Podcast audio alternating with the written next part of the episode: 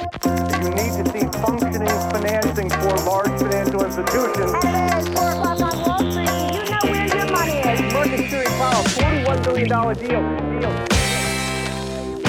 Tidningen Börsveckan har precis släppt ett nummer som bjöd på lax special, en bransch som vi hittar i grannlandet Norge. Men hur intressant är sektorn egentligen och vad behöver man känna till? Det här och en del guldkorn i branschen ska vi prata mer om idag. Till min hjälp har jag Lars Frick och Peter Hedlund, analytiker och skribenter på tidningen Börsveckan. Varmt välkomna hit! Tack. Tack, kul att vara här. Och dessutom också kollegor ska tilläggas. Det är riktigt kul att ha er här. Jag tycker vi gör som så. Tidningen kommer ju en gång i veckan eh, och det är alltid med en krönika. Jag tycker vi börjar med krönikan. Den här veckan heter den Du är produkten. Och är någonting gratis så kan man ju ana att man är produkten. där man ju hört förut såklart. Det här är ganska gängse i många techbolag, i sociala medier. Men Lars, du anar samma trend i finansbranschen. Berätta. Ja, precis. Jag eh, spetsar ju till det lite grann förstås. Eh, men eh, det här att du är produkten, jag tycker själv och jag tror många andra med mig också, jag blir lite intresserad när det kommer nya produkter och då kan man tänka sig någon sorts analogi med mm, matvaruhyllan. Att nu har Colgate lanserat Colgate Plus bara för dig.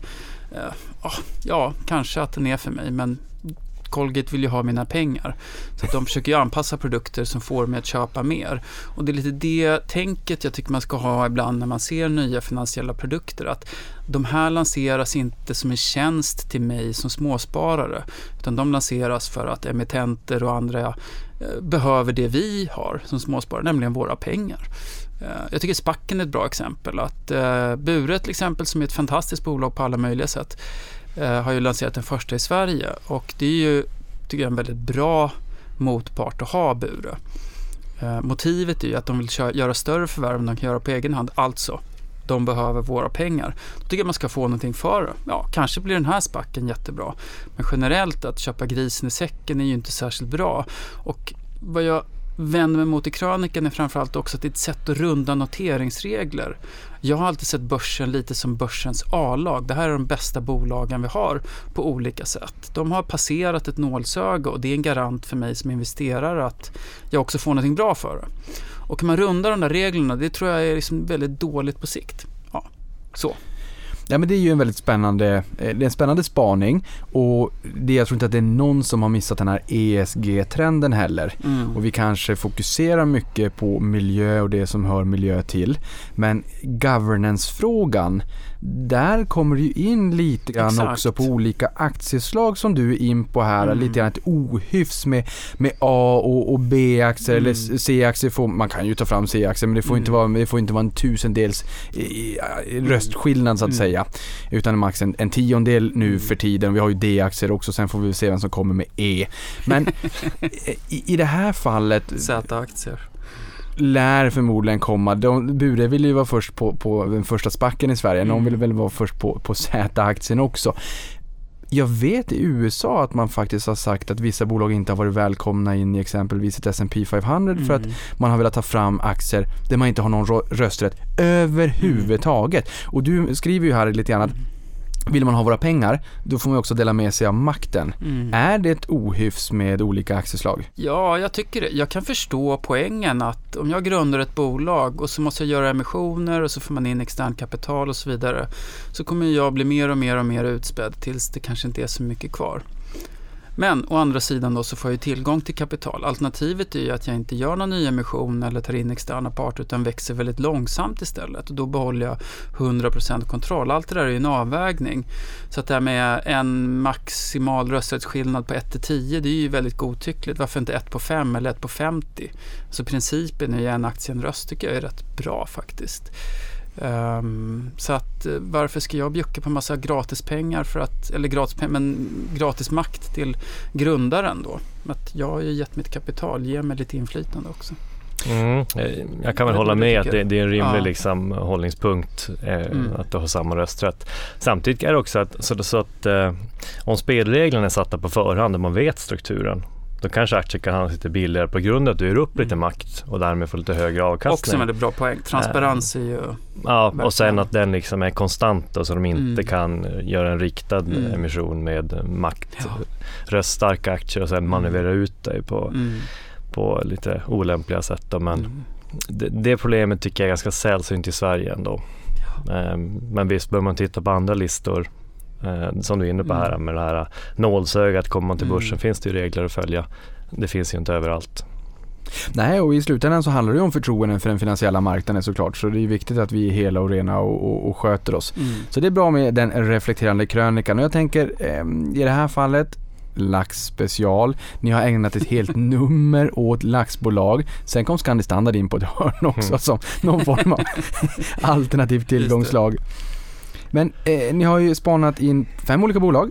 Salmar, Moe, Leroy, Leroy eh, hur säger ni? Le, ja, Leröj. Leröy, det lät bra. NRS eller Norwegian Royal Salmon och Grieg Seafood.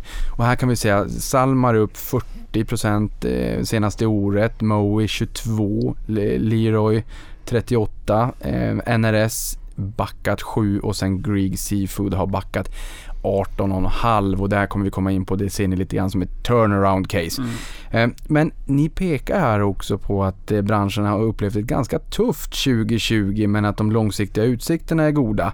Eh, Pristrenden är gynnsam och innovationerna kan betyda lägre risk och högre produktivitet. Kan ni, om vi börjar i den änden, att liksom ge lite bakgrundshistoria kring norsk och global sjömat. Vad, vad är det för någonting? Hur ska man tänka kring det här börsdjuret? Den här eh, branschen. Ja, Mm. jag vet inte. ja, men, ehm, det finns ju odlad fisk över hela världen. Eh, I Asien är det andra arter och lax är ju det som vi av tradition har ätit i Skandinavien så det är klart att den har en kanske lite särställning här. Och utbredningen av de olika arterna handlar ju förstås om var de trivs och finns naturligt då, för det blir ju gynnsamt även för odlarna. Sådär. Ehm, Så när ni säger liksom, norsk laxindustri, då är det ju 100% odlad lax. Så det är inte så att man investerar i bolag som åker ut på Atlanten med trålare och... de och, finns ju. Ja, precis. Eh, Vi har väl fokuserat på laxen, men Leröy till exempel, det är ju Norges största leverantör av vitfisk. Och de har väl ett tiotal trålare som är ute och fiskar. Eh, sen har de även öringsuppfödning där. Mm. Så att de- de sticker ut lite i, i det här sällskapet. Precis. Men vi fokuserar på odling. Då. Och då är det ju egentligen eh, ja, Nordatlanten, öst, ehm, och det är utanför Chile och så är det Kanada då som är de tre platser som man kan hitta laxodlingar. Ja, för nu säger du också Lars, laxodlingar. Mm. Eh, nu, nu sa ni här Leroy, eh, jag hoppas jag uttalar namnet rätt den här gången. Vitfisk. Eh, för, för oftast så säger man ju laxodlingar. Mm. Och jag menar, det bör ju rimligtvis odlas annat än lax också, men det är ju oftast laxen man, man pratar om. Så varför liksom, odlar man annat än lax förutom ett Leroy? Leroy. Ja, de odlar ju då inte vitfisk utan det är ju vilt eh, fiske. Så det är ingen som odlar vitfisk? Nej, det går ju inte. Det är ju biologiskt så det beror ju lite på hur fisken är. Eh, naturligt att eh, ehm, fiskar som rör sig över stora områden är inte så lämpade att odla och så vidare. Så att det pågår väldigt mycket forskning kring att hitta nya arter som man ska kunna ha i odlingar. Men det har ju gått väldigt långsamt. Så att just nu är det ju egentligen bara lax och röding tror jag i våra vatten då. Och i Asien är en av de största fiskarna till exempel lite tilapia och så finns det några andra arter. Det tror jag är fyra, fem fiskarter. Vad heter den här Pangiasis är väl också ofta en odlad fisk. Mm. Eh, flodfisk om jag inte missminner mig. Jo, för där är ju eh, Pangasius den här Mm. mm. päronhaj eller, eller Ja. falsk eh, va, va, va, valeska eller sjötunga va? Ja, Just det, ja men den har man ätit någon gång. Ehm, för här när man pratar om lax så är det ju ofta, men som ni säger, Mm. det är Norge och det är Patagonien nere i Mm. Chile och så sa ni Kanada. Är det här en naturlig vallgrav för den här typen av bolag? För man tänker sig lite, ja men det är lite kallt kanske, det är bra Mm. rätta för, förhållanden för det de måste här. det väl ändå vara. Jag menar Mm. om man inte har kusterna mot rätt vatten då går det inte att odla. Så att svårare än så är det inte. Någonting annat som man har sett på senare tid det är ju att det finns en viss trend kring la- eh, landbaserade laxodlingar. Jag vet Oslo Börs VD var också ute och sa att man hade en del noteringar i pipen. Det var grön energi, det var eh, ett antal olika saker plus landbaserad Mm. laxodling. Hur påverkar det här branschen? Jag tror att det var Leröy som pratade om att de inte hade så mycket där nu men lite utveckling och att med de tio år trodde det skulle vara en, en stor sak. Jag tror i USA finns det något som heter Atlantic Sapphire, om jag inte missminner mig, som, som kör den varianten. Och då har de sådana här rasanläggningar som eh, handlar om att man återvinner vattnet. Så det ska vara liksom väldigt eh, ESG-vänligt. Då man återanvänder och det ska vara ett ganska hållbart sätt att, att odla lax. Då. Det finns även ett mindre bolag som heter eh, Proximar Seafood tror jag, som ska göra det här i Japan.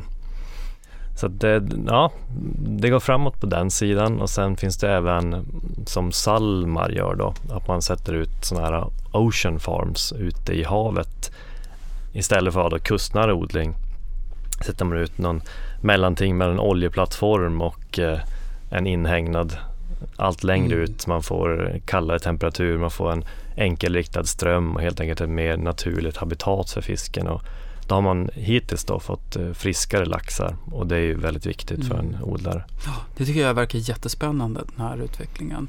När laxodlingen har fått mycket kritik från miljörörelse och lokala organisationer att det, det skapar väldigt obalans lokalt. Ofta sitter man och hittar skyddade vatten i en fjord eller någonting och så lägger man ut ett antal laxodlingar och över tid så genererar den väldigt kraftig lokal övergödning med stora bajsberg under odlingarna och det är trångt och i still, inte stillastående, det blir tidvatten då men ändå det är inte så mycket vattenrörelse. Det finns en biologisk risk där som kanske ökar då också och så, där. så att de här havsodlingarna ses, framstår ju som ett väldigt bra steg för hela branschen. Men, men är det här, um, är det en spännande trend man ser bland många bolag? För jag vet ett av de här casen som vi kommer prata lite närmare kring har ju investerat i det här Ocean Farm 1 och Mm. Ocean Farm 2 Peter som, eh, som du har skrivit lite grann om. Eh, men, men ser vi det här generellt bland fler eh, laxbolag att man, eh, man, man eh, liksom investerar i den här trenden? Just de här Ocean Farms är bara Salmar eh, vad jag vet av de vi har tittat på. Men de här rasanläggningarna på land, de Mm. verkar alla ändå Ja. titta på. Men, men innebär det här att det finns en, inom citationstecken då, en risk, en, liksom en, en capex-risk att man kommer behöva investera tungt i Mm. om det är så att man kan få se konkurrensfördelar från vissa aktörer i marknaden, att en landbaserad odling eller den här odlingen långt ute till, till, till havs om den visar sig väldigt lyckosam, vilket jag tolkar på er ändå att det är mycket som tyder på att det där liksom har varit ganska bra. Mm. Eh, kan vi få se en, en, liksom en, en tung capex-cykel bland många konkurrenter att de måste ta eh, en hel del investeringar för att hänga på? Bra fråga, det tror jag. Vad tror du Peter? Ja, det, det är väl rimligt om den visar sig att, Mm. att det fungerar som det ska. Eh, risken är såklart att det blir dyrare än man har tänkt sig och att det snarare blir ett litet bakslag. Men, Mm. men i takt med att det kanske blir så att säga, konsumentkrav också, man vill Mm. ha hållbart odlad lax. För som nu är det så att du har ju ett prispremium för Backafrost på Färöarna eh, kontra norsk lax då, som har fått lite kritik också. Ryssland slår ner för att man har hittat förhöjda eh, halter av tror jag, kadmium och bly. Mm. Så man stoppade ju importer där. Sen var ju Kina Mm. ute och, vevade om coronavirusets ursprung, att det hade varit någon skärbräda med lax på. Eh, kanske mer Mm. inrikespolitiken. Jag tror, precis, jag, jag tror också att det finns eh, ehm, jag vet inte om man är där men Peter du visar en jätteintressant karta man kan hitta på nätet för att se var det finns norska laxodlingar. Och det är ju verkligen från norr till söder över hela den norska kusten. Så det är ju möjligt att, kanske inte nu, men det känns ju som att förr eller senare så blir det väl kanske en trång sektion med location. Det finns redan väldigt mycket farmar. Visst, Norge har ju en gigantisk kust, inte minst i förhållande till landytan, men de platser som är gynnsamma, jag antar att det är som vindkraft. Det finns A-lägen, B-lägen och så vidare. Mm. Och de bästa platserna med den bästa infrastrukturen och det bästa vattnet kanske redan är tagna. Så har vi ju sett i många andra branscher. Okej, då går man till nästa steg. Antingen är det upp på land då, eller längre ut i havet. Så att det finns kanske en capex-risk. eh, Men det kanske också är en nödvändig utveckling för att kunna öka volymer och gå vidare. Men- hur, hur, eh, hur stor skulle ni bedöma risken om, om landbaserad laxodling ändå slår? Då är det klart att då försvinner ju lite grann kanske av vallgraven med den här kustremsan kring, kring Norges eh, kust. Och så man måste säga. ändå ta vatten någonstans ifrån. Så jag tror inte man kan, kommer se laxodlingar var som helst i världen på land. Eh, utan man vill kanske gärna ha liksom, det här vattnet då som ska pumpas runt och cirkulera i, i. Sen kanske man på artificiell väg kan uppnå rätt salthalt och med näringsämnen och allt sånt där. Men, men visst, men det tror jag, det, det är också en rätt dyr metod. Eh, så att det kommer alltid finnas en marknad i, i överskådlig tid för traditionell inom citationstecken då laxodling. För här måste jag ändå bara fråga när det kommer till ja, men, laxodling, Ryssland, Kina, Mm. Kina med, med, med, pratar om det här virusets ursprung. Eh, det var ju i alla fall för ett antal år sedan ett embargo mot eh, laxexport till Ryssland. Mm. Mm. Har det här luckrats upp eller är det fortsatt så att det inte riktigt är så enkelt att exportera eh, lax till, till Ryssland? Mm. Det där har väl lite med hållbarhetsarbetet att göra. Ytterligare en kritik då mot odlad lax som har kommit eller funnits de senaste åren är att just den här höjda halter av metaller. Eh, och man visste först inte var det här kom ifrån. Man tog vattenprover och gjorde alla möjliga tester och så här, varför har vi mera kvicksilver och kadmium och allt vad det nu kan vara i i den här odlade laxen tills man kom på att det hade med fodret att göra. Att då handlar det om att laxodlingar som köps sitt foder och då fiskades mindre fisk i Östersjön som ju sägs vara för- som människoföda. Då fiskar man upp den och gör fiskpellets av som man sen skickar till norska laxodlingar. Så att allt som gjorde att vi inte ska äta strömming från Östersjön fick vi ändå i oss. Det är ju fettlösliga substanser också, som ackum- ackumulerar ju uppåt. Så att, ehm, nu tycker jag att det finns mycket arbete med standarder för eh, vilken typ av foder ska finnas och det finns mycket gränsvärden, det här med fiskolja och, och, och så. Så att jag tror det arbetet gör att den här risken för exportbakslag som mot Ryssland har väl också minskat i takt med att branschen blir renare då. Men i tidningen här då som kom nyligen så sa ni ju också att det har varit ganska tufft 2020 för laxindustrin. Varför? Ja, men, alltså man säljer mycket till hotell, restaurang och det har vi ju blivit varse under året. så det har inte varit något bra år för den eh, branschen. Så att laxpriset gick ner i takt med efterfrågan. Och eh, många av de här bolagen har ändå hyggligt höga eh, produktionskostnader. Så att till exempel för Grieg, de gjorde väl till och med förlust i Mm, Q4 till visst. exempel. Eh, och det är klart, det är ju extremt, det är ändå råvaror det här handlar om. Mm. Det är inte olja men det, Ja. det är fortfarande så att du har ju dina produktionskostnader och är priset för lågt och då går det inte runt helt Nej. enkelt. Men du får en väldig hävstång upp därifrån om priset börjar stiga, vilket det nu har gjort då. Det är intressant. Priset det verkar ligga runt 40 kronor kilot. more or less för de flesta aktörer. Det förvånar mig lite grann när jag börjar titta på branschen då, men det är väl så att ekonomin, det kanske är som, jag tänkte som skogsbranschen, att oavsett om, om du har tio små bruk och har en totalvolym som är hög, betyder inte det att du har högst effektivitet, utan skalfördelarna kommer väldigt lokalt. Liksom man vill ha en maskin som är gigantisk snarare än tre halvda, halvstora. Sådär. Och det är samma sak med odlingar här kanske, att det går inte att göra dem hur stora som helst utan volym får man genom att lägga till fler och fler och fler så att du får inte någon sån här jättestark skaleffekt av att vara stor i volym. Än så länge i varje fall. De här havsodlingarna kan ju bli en annan typ av... Ehm, så att produktionskostnaderna arbetar de flesta med att få ner eh, och det, om det ligger runt 40 kronor kilot, ja, då kan man ju titta på världsmarknadspriset och göra sin egen bedömning. Då är det en bra eller dålig bransch att vara inne i. Och de sista två, tre åren har det ju ändå varit okej prisbild. Ja, för det, I tidningen så såg man ju också en graf som visade laxpriset historiskt. Och då ser vi ju att där har vi legat på intervallet 30 till 40 norska kronor Mm. per kilo under perioden. 2008 till 2015 var min okulära Mm. besiktning. För att senaste åren snarare ligga i spannet 50 till 70, alltså i den kanalen Mm. att det liksom rörde sig där i 70 touchade kanske så att säga, eller nära i alla fall. Mm. Men 50 till 70 nu senare, på senare tid då. Eh, Men, men vad är det som då talar för ett högre eh, pris härifrån och framåt eller att de ligger på de här nivåerna?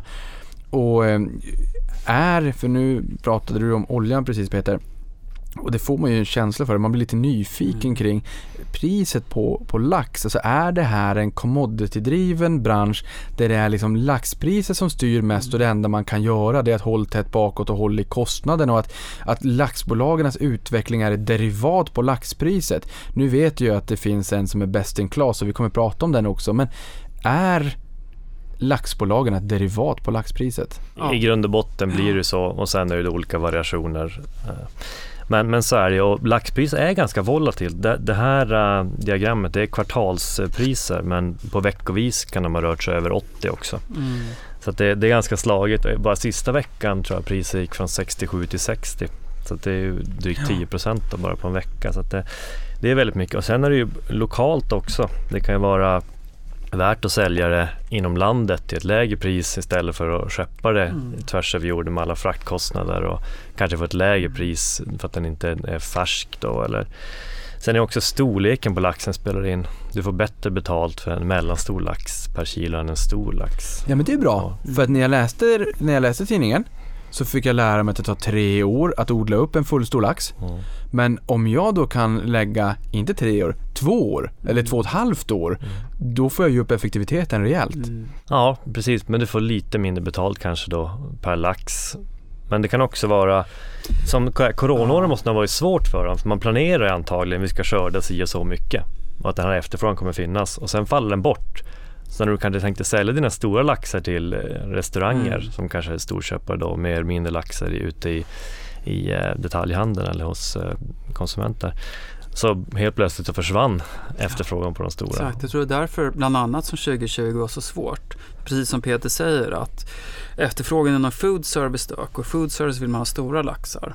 För att har man en restaurang och ska servera 100 portioner eller vad det nu är lax under en kväll, ja då är det väl toppen om man köper en lax i storlek 8-9 kilo för att man behöver en stor filé. En familjepack. Ja, exakt. Men för ett hushåll att köpa en laxsida från en 9 kilos lax, det är ju en gigantisk bit fisk. Det är, liksom, det är helt ointressant. Så att retail vill ju ha små, det är kanske 3-6 kilo då. Ja, och så kommer covid eh, och då börjar det svaja i efterfrågan och då får man ju ställa sig, ska vi skörda nu? Ja, vi kanske väntar och ser att det vänder. Ja, det vände inte samtidigt som laxen blir större och då blir den lite oattraktiv för retail samtidigt som det just inom food service var där det dök som mest så att den blev svårsåld då också. Chile till exempel har byggt upp stora lager av fryst lax.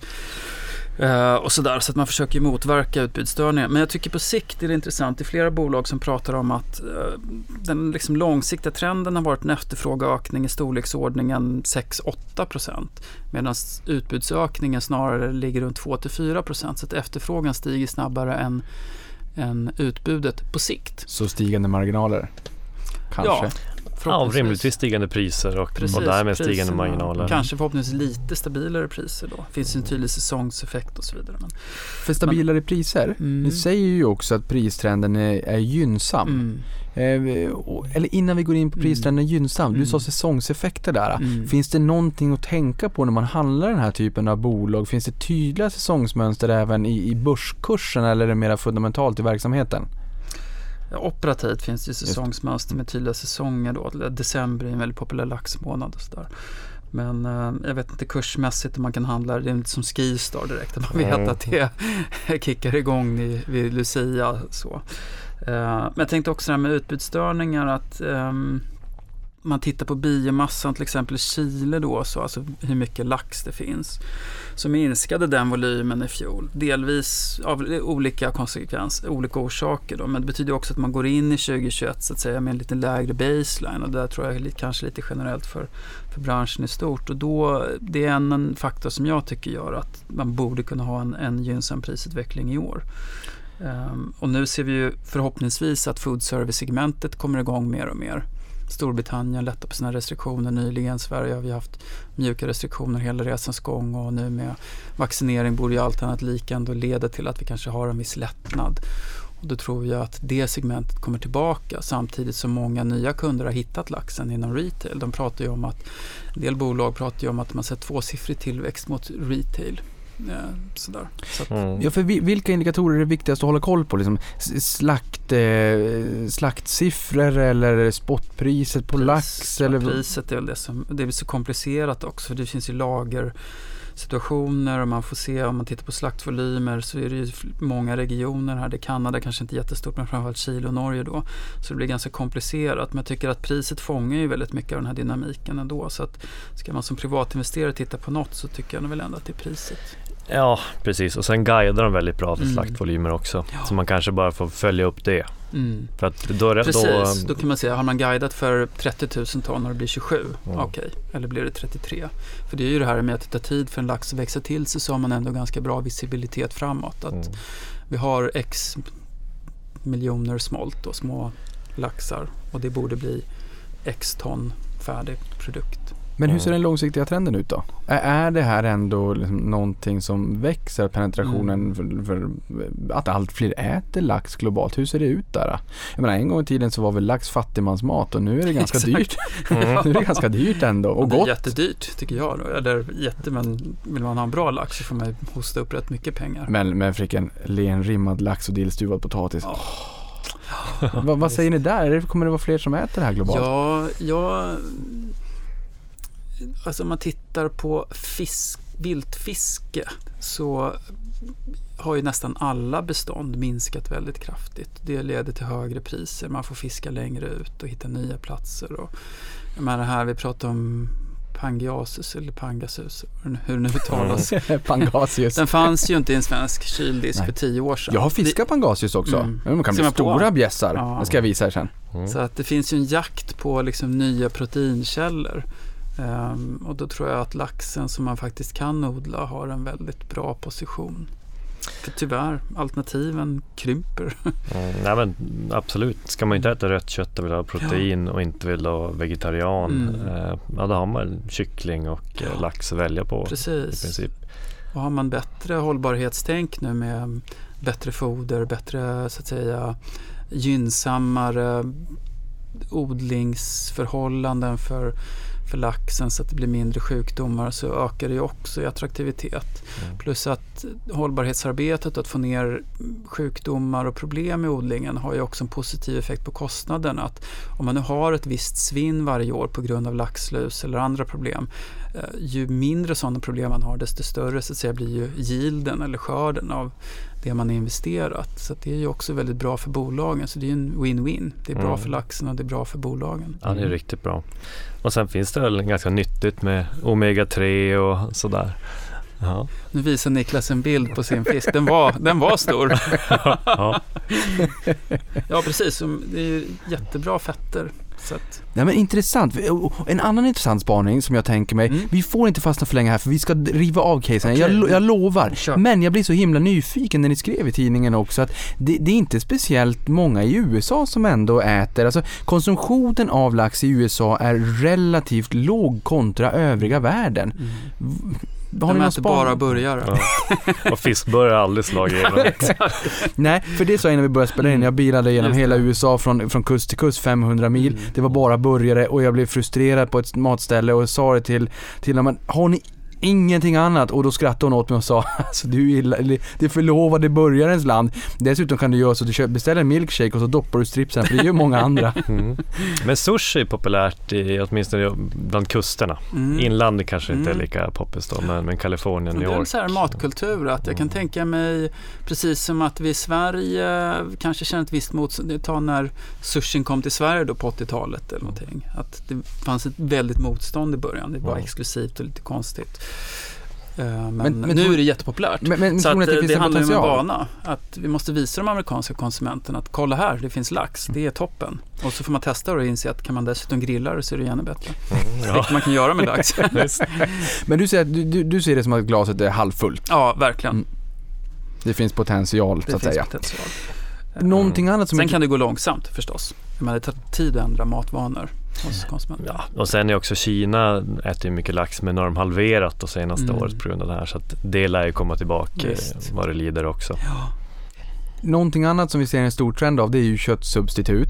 Mm. Eh, tror ni att den här trenden också kommer att påverka eh, laxindustrin? Ja, svår fråga. Det påverkar väl hel, all, all matproduktion. Alltså om eh, syntetiskt kött, eller hur man nu ska, vad man nu ska kalla det, Mm. ehm, blir stort så påverkar det ju de befintliga producenterna av kött. Men lax tycker jag ändå framstår som för jag tror inte man substituerar ut lax mot så att säga, vegetarisk köttfärs eller labbodlade hamburgare utan då är det ju nötfärshamburgare som substitueras bort. Så det, det slår väl mer i så fall mot köttproducenter. För, för här tänker jag också... Utan att vara expert. Jag lyssnade på en podd här tidigare idag och det var bara en slump att jag lyssnade på den där för den spelade så väl in på det här avsnittet. När man då, det var en person från livsmedelsindustrin som pratade om vi- vilken, ett enormt skifte som nu sker. Han menade på att mjölken så som vi känner till det Mm. från kor kommer vara borta på några år. Och även att vi kommer se jättemycket substitut, att det är nu det faktiskt händer. Mm. Inte att han tror, utan det är det han ser i sin bransch. Mm. Och där menar han också att eh, trenden kring att exempelvis ta stamceller från en lax och odla filén, vilket gör att man får bort en massa svinn som eh, det är, stjärt, det är stjärtfenan och det är fenor och det är huvudet och, och det är ryggrad och allt vad det är. Och att man bara odlar upp den här liksom, filén som man behöver i labbmiljö då. Mm. Dessutom slipper man bakterier, lite, lite eh, laxlus och antibiotika. Eh, Kan det här ställa saker och ting på ända? Och, och just när jag säger antibiotika också, då tänker jag på dig Lars, för du, Mm. du är ju liksom lite grann inne i det här. Eh, o- om kroppen, eh, ja, liksom vad som händer om vi får i oss Mm. alldeles för mycket antibiotika långsiktigt. Är det här, Precis, det är ju ingen som vet kanske, men, eh, men det, det lär ju inte vara bra. Mm. Men är det här ett hot mot, mot eh, norska laxodlare eller laxodlare överlag om vi får se en sån här trend? Eller är de med på det här spåret tror ni? Mm. Alltså jag tror att eh, det här är jätteintressant och det här labbmat och det kommer ju från regenerativ medicin. Att det, är ju, det är ju en av en helig graal inom medicin att de har förlorat organ. Tänk om man kunde odla upp en ny, ny njure eller ett hjärta eller vad det nu är. Eftersom det är sån enorm brist. Och även mindre komplicerade saker. Säg att man har stora brännskador. Då, det idag man får göra det är att ta huden någon annanstans ifrån och liksom grafta på sådär.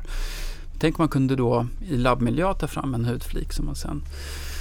Eh, men det tycker jag också säger lite grann om förutsättningarna, att det är en väldigt dyr process. Eh, och eh, stamcellsgenererad mat. Stamceller kan generera andra typer av celler, till exempel muskelvävnad. Men det är fortfarande bara celler, så det är ingen slump att den mat som finns i det här segmentet, det är väl till exempel finns några äggsubstitut och lite olika. Man pratar om biff nu. Jag vet du nämnde det här wagyu-biff. Mm. Men det, är ju, det blir ju som köttfärs. Det blir ju stor hög med protein. Så nästa steg då att försöka skapa en struktur som efterliknar ett kött. Det är, det är ett ganska långt steg.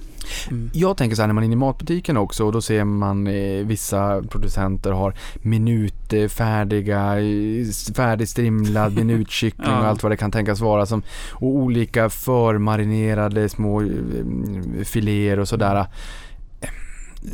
Jag vet att ni var in lite grann på det här premiumiseringen av produkter. Att så här, Mm. ett kilo lax det är ju kanske ganska nära råvarupriset Mm. till ett kilo lax. Men när man börjar skapa de här premiumprodukterna finns det en möjlighet här att liksom differentiera produkterna och därmed ta bättre betalt för dem och minska kopplingen till bara spotpriser på laxen.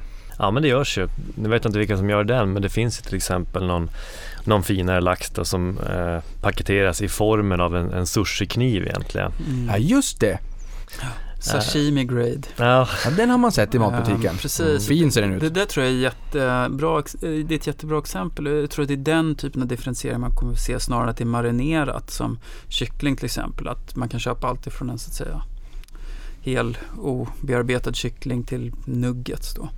Lax lämpar sig väl, kanske inte så mycket väl för den typen av liksom produktifiering. Däremot att differentiera kvaliteterna är ett mm. jättebra sätt. ja, när man marinerar det är väl ofta en hållbarhetsfråga Ja, egentligen. Att det, kan, det är flintasteken Ja. ungefär, det är inte den bästa Ja. biten. Som, Nej.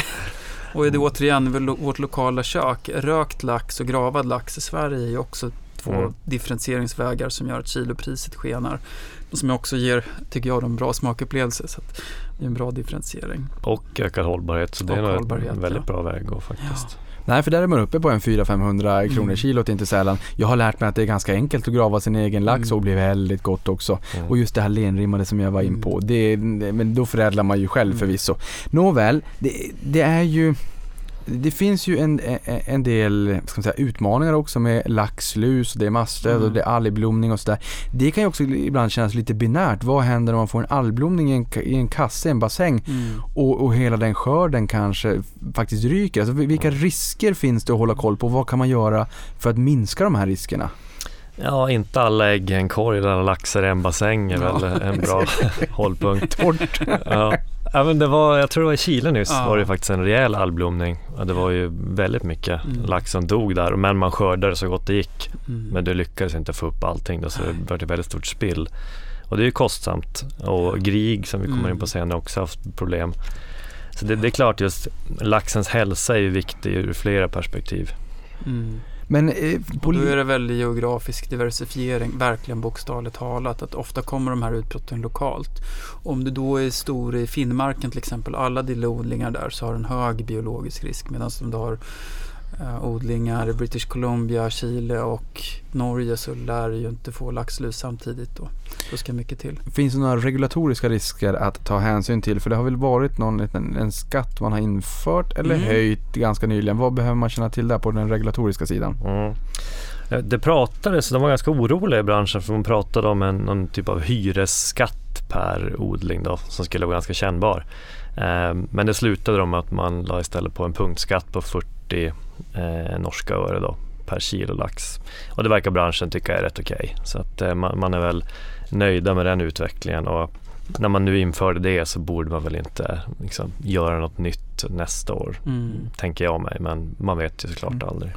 Här ska vi också, vi ska komma in på de här caserna nu. Vi kan bara notera att eh, en 45% av världens laxkonsumtion sker inom Europa. Samtidigt som Kina ligger på 5% och Japan på 3%. Eh, eh, Det känns som att vi tre vid det här bordet, vi snarare ser det som att glaset är halvfullt än halvtomt. Vilket innebär att det kanske också då finns potential. Vi har eh, identifierat fem bolag, tre av dem, då har vi en som är best in class, en som är turnaround case och en som är eh, störst i branschen då. Och om vi börjar med Salmar så är det ju den aktören som är best in class och också den aktören som faktiskt har haft bäst utveckling om vi tittar de senaste fem åren på 201 procent. Eh, vad säger du här Peter? Det är en historik av hög lönsamhet och hög grad av innovation, hög värdering, men du tycker att den är välförtjänt? Ja, precis. Det är lite sådär, när man är ändå i en råvarubransch så vill man ju inte att ett prisfall ska resultera i röda siffror. Och tittar man då på Salmar så har de ju trots prisvolatiliteten de senaste åren ändå hållit uppe marginalen. Eh, väldigt bra på 32 procent är då femårssnittet på ebitda-nivå. Det, är ju, alltså, det, är ju ändå, det får man ändå notera, det är ju väldigt högt. Sen är ju de här som håller på med de här investeringarna ute till, till havs också. Mm. Eh, men så att, ja, ebitda det kanske tarvar en del då om man också räknar med alla de här nyinvesteringarna man får tänkas göra. Men inte det, det ju, låter ju vä- väldigt högt ändå. Ja, det är ju högst i klassen. Snittet här då i, i vårt urval var ju 24 procent. Eh, Men sen har man också haft en tillväxt på 12 procent. Och jag menar, trots att priset då kanske faller ett år så har man ändå lyckats hålla uppe tillväxten så att man, man växer i skörden, vilket är minst lika viktigt. Och så har man då varit ganska i framkant först med, med fabriker som har varit effektiva där, har en, en låg produktionskostnad. Och sen nu då med det här nya konceptet om man går från kustnära farmar till de här eh, Atlantfarmarna. Men för här tänker jag också, Atlantfarmarna, eh, din spaning var ju ändå att det här verkar intressant och det verkar som, vi får se vart händer bär men det verkar ju vara ljust. Mm. Eh, det verkar se positivt ut. Nu tar de ju de här investeringarna, kan det innebära att de kanske ökar distansen gentemot sektorkollegorna? För uppenbarligen så har de ju ett track record av att ha en fin hög lönsamhet som de också kan försvara i sämre tider. Mm. Eh, Jag tolkar det som att det inte är liksom en jättepuckel av investeringar framför dem utan att de redan befinner sig lite grann mitt i det här och att det är som en liten option. Ja, det, det är väl lite både och. Eh, Först har man ju då haft i bruk nu, man har skördat två gånger från den här Ocean Farm 1 som var den första i sitt slag. Eh, och då har man lite högre produktionskostnad än man har haft vid kusten. Men de ska då falla med, för det har en viss produktutveckling till, den första kan man se som en prototyp egentligen. Och sen kommer nästa, då får du lite lägre kostnad, du får en lite lägre produktionskostnad därtill och en högre produktion. Så att, men det kommer dröja framåt 2024-2025 innan vi liksom ser Ocean Farm 2 plus den här Smart Fish Farm, den stora som man kan ha långt ute i havet. Som tror jag till och med skulle klara av vågor uppåt 30 meter så det här är ju någon typ av oljeplattform, så hybrid egentligen.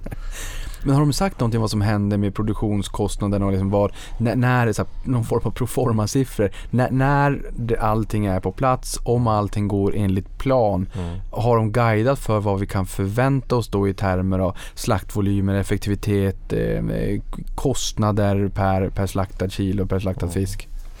Ja, jag tror det var, om det var 35 eller 33 kronor på den här Ocean Farmen som nu är i bruk.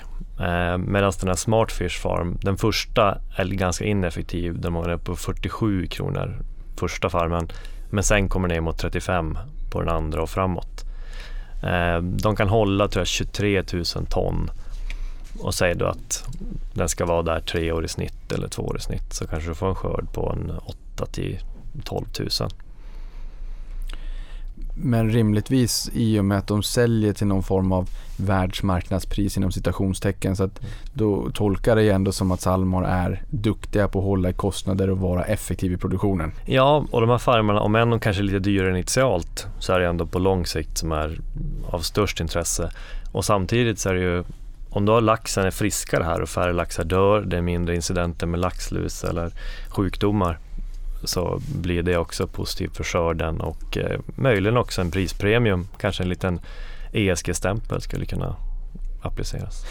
Nästa bolag som ni har spanat in är Mowi. Lars, det är du som har Mm. kikat på den. Största aktören på marknaden och dessutom eh, största producenten av atlantlax också. Så här har vi liksom branschbjässen. Mm. Och du skriver trots bibehållna volymer så sjönk intäkten och resultatet halverades i fjol. Det är här vi också ser stora fasta kostnader. Mm. Väldigt beroende av de här volymerna såklart. Det blir, det blir en slagighet helt enkelt. Vad, vad berodde det på att, de, eh, att det var så pass tufft? Vi har pratat om Horeca, hotell och Mm. restaurang och catering såklart. Mm. Och att det var tufft. Men är det hela förklaringen? Eh, nej, det är nog inte bara pandemin efterfrågan utan det är ju även utbudsstörningar. Eh, och det, där, det blir så här gungor och karuseller att eh, till exempel ska man tycka att utbudsproblem det borde ju leda till högre priser.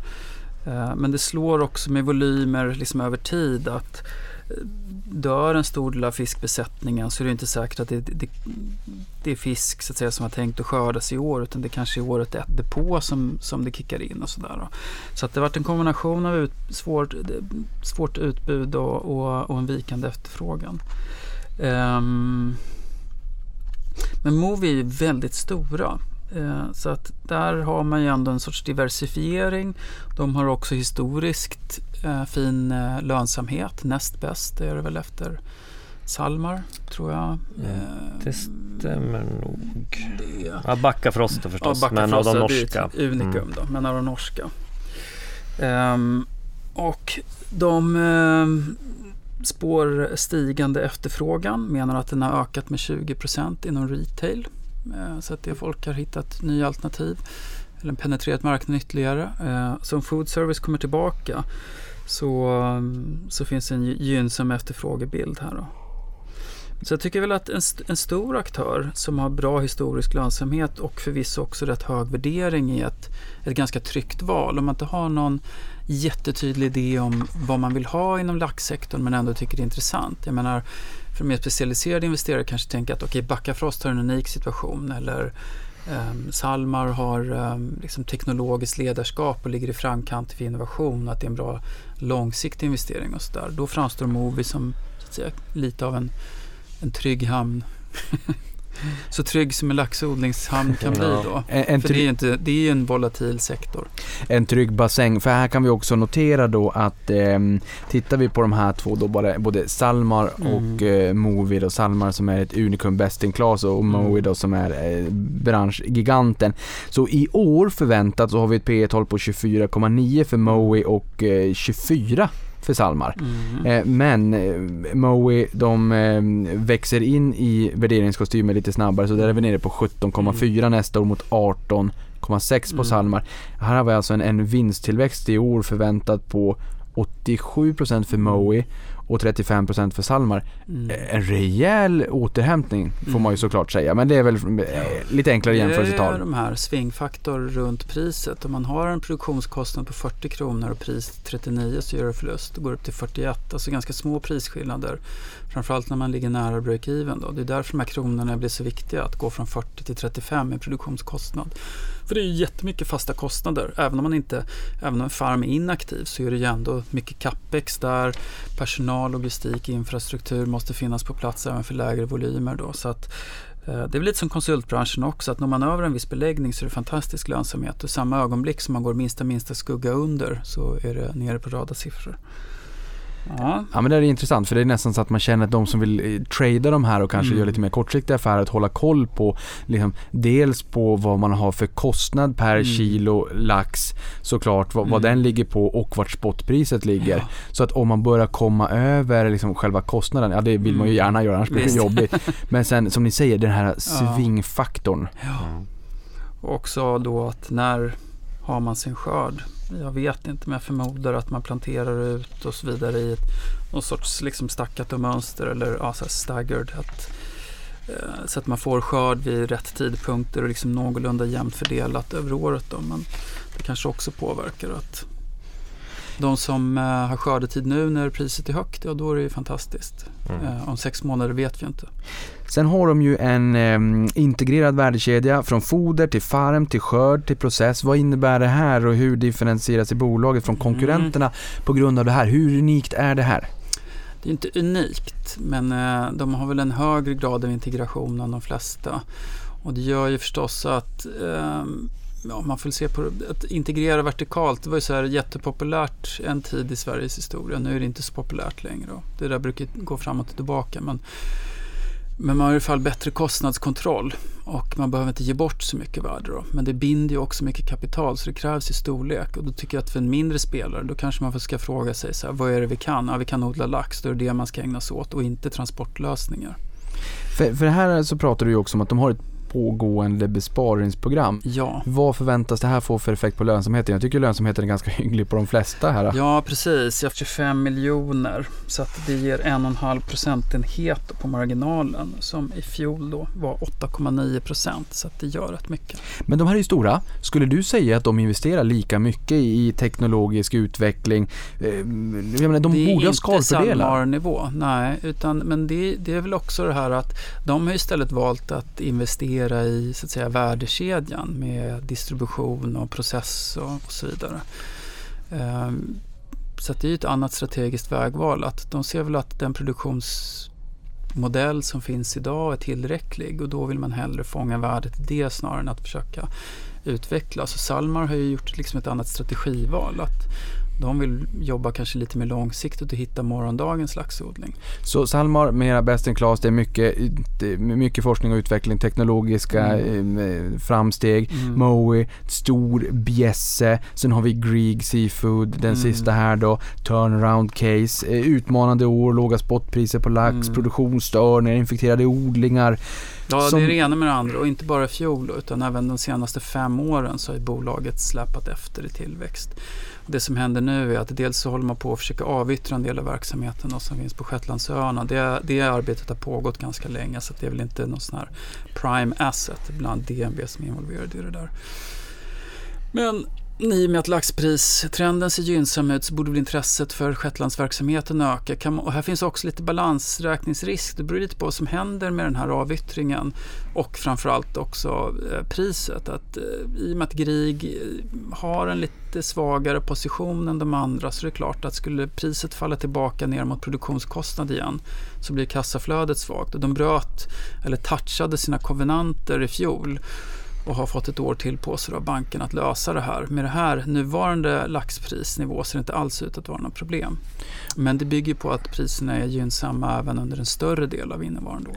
Men det här ger ju också väldigt mycket svingfaktor. Så att går det åt skogen så ja, då kommer det se mörkt ut för Grieg trots låg värdering. Men kommer bara några av de här komponenterna att trilla in så är det här eh, väldigt spännande aktie. Ja, och, och här också bara fikonspråket här, Mm. konvenanten, är det liksom rättvist att säga villkoren från långivarna? Ja, det är väl en bra, så bra beskrivning man kan ge. Ja, precis. Och man kan tillägga också att i, i det här numret har vi lutat oss mot eh, analytikerestimaten i och med att vi inte är några laxexperter. Så. Mm. Ja, och tittar man på det då så tror ju de att kursen kommer stå uppåt 100-130 kronor framöver. Om man penslar in en, en, eh, en vinst som stiger med över 100 procent här så att Ja. EV-EBIT på 2022 års estimat är då 9 för Grieg, vilket är billigast i sektorn. Om allting går Mm. som det ska då. Ja. Men, Det är ändå rätt robust estimat. Jag tror åtta eller nio mm, analyshus som följer aktien. Så att För här det är konsensus att det kommer gå bra. det känns ju tryggt. Ja men för här pratar man ju om eh, ett förlorat år då med omsättning som Mm. föll 20% i Q4, 8% på helåret i Mm. fjol. Samtidigt så har ju produ- eh, produktionskostnaden varit relativt hög per Mm. kilo då. Mm. Nyligen kom de med en eh, omvänd vinstvarning. Mm. De, de slaktvolymerna landade på 13 600 Mm. ton jämfört med 11 200 förväntat. Och utsikterna är ljusa. Så att om man vill komma in liksom lite grann vid rätt läge, kan det här då kanske vara rätt läge att köra ett turnaround på Grieg? För jag, jag noterar också att produktionskostnaderna, de, de vill de få ner till under 40 Mm. NOK per kilo. Mm. Och då inser man det här spotpriset, om det börjar trappa ner och liksom röra sig ner mot 40, Mm. då är det inte roligt för Grieg. Nej, Nej. det är inte roligt för någon aktie men det blir ännu värre för Grieg. Samtidigt är det ju också en eh, stor svingfaktor uppåt. Jag menar om spotpriset då ligger på nuvarande nivå runt no- 60 norska under en stor del av året så finns det ju en fantastisk potential.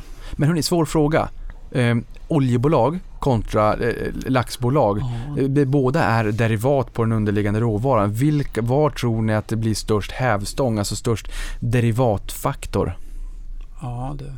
Vilket är mest priskänsligt? Och det är en jätteelak fråga, det är, det är ju en svår fråga men Jag vet inte, det, ja, ett sätt att se på det skulle kunna vara att se på um, alltså man tänker sig produktionskostnad kontra vad man får ut då. Ehm, om det kostar 40 norska att producera eller odla ett kilo lax och man säljer den för 60 så är det 50% upp. Oljepriset är väl en större diff. Mm, fin, finns det lite kanske finns. skillnader också. Alltså, I grund och botten så är det ju såklart var pris, prisnivån är nu, vad det kostar att producera. Desto närmare break-even man är, desto Mm. mer hävstång Mm. kommer man ju få. Men sen också är det så att laxen, den växer ju tillbaka. Oljan tar ju slut. Så att har du bara resurser i marken för sju års produktion, då vill det till att priset hålls uppe medan Mm. du tar upp den Jättebra oljan. poäng. Så att det, den är mer återkommande så att säga, laxen än vad oljan är. Mm. ni levererar i vanlig ordning. Om ni skulle få bestämma er för bara ett av de här tre caserna, vilket skulle ni då köpa? Lars? Salmar. Peter? Ja, jag håller med. Det känns som att Salmar det är kvalitetsvalet här som, Mm. som tjänar pengar i, i alla klimat. Man eh, växer och eh, gör det till bra lönsamhet, Mm. bra avkastning på tillgången. Vilket bolag tror ni avansianerna favoriserar? Det skulle nästan kunna vara Grieg för den har gått sämst. Då. Ja, exakt. Eller, eller någon stor aktör då.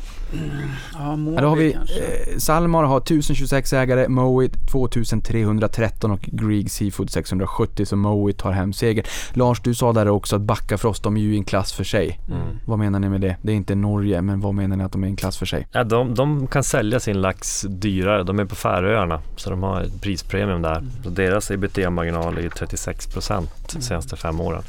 Och anledningen till att vi har ebitda och den här historiken det är för att tittar du bara på ebit då får du också in värdeförändringar av befintliga beståndet. Så att man värderar ju så att säga laxen du har Mm.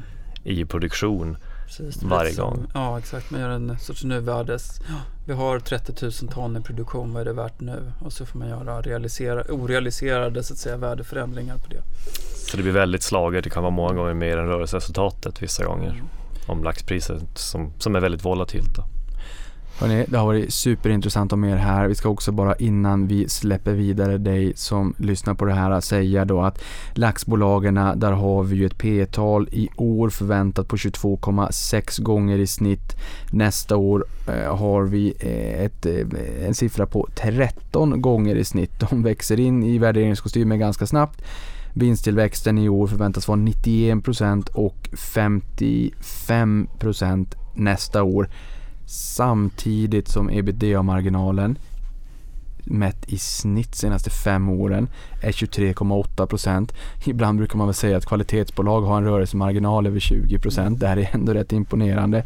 Och omsättningstillväxt senaste fem åren har varit 8% bland de här bolagen. Så med de orden så vill jag bara säga tusen tack för att ni kom hit och jag ser verkligen fram emot att ni kommer hit nästa gång igen och berättar om, om nästa veckas case. Tusen tack! Tack. Niklas. Och lyssnare. Och stort tack för att du lyssnade på det här.